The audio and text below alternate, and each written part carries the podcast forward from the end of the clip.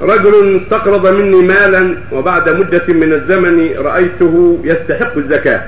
فهل لي خصم المال الذي عليه من الزكاة؟ يعطيه الزكاة يعني بدل المال عنده.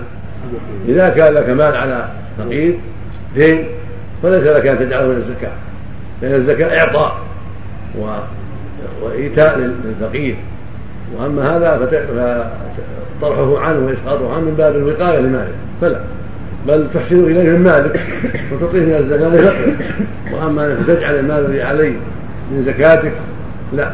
بل يبقى عليه حتى يوفيك يوفيك إذا يسر الله له وتمهله ولا شديد عليه. لأن المعسر يمهل. وإن كان ذو عسرة فلا يسر وأما جعله من الزكاة فلا.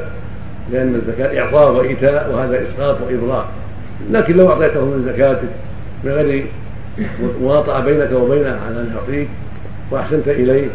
ثم رد عليك شيئا من ذلك من غير تواطؤ منك ولا شر فلا حرج.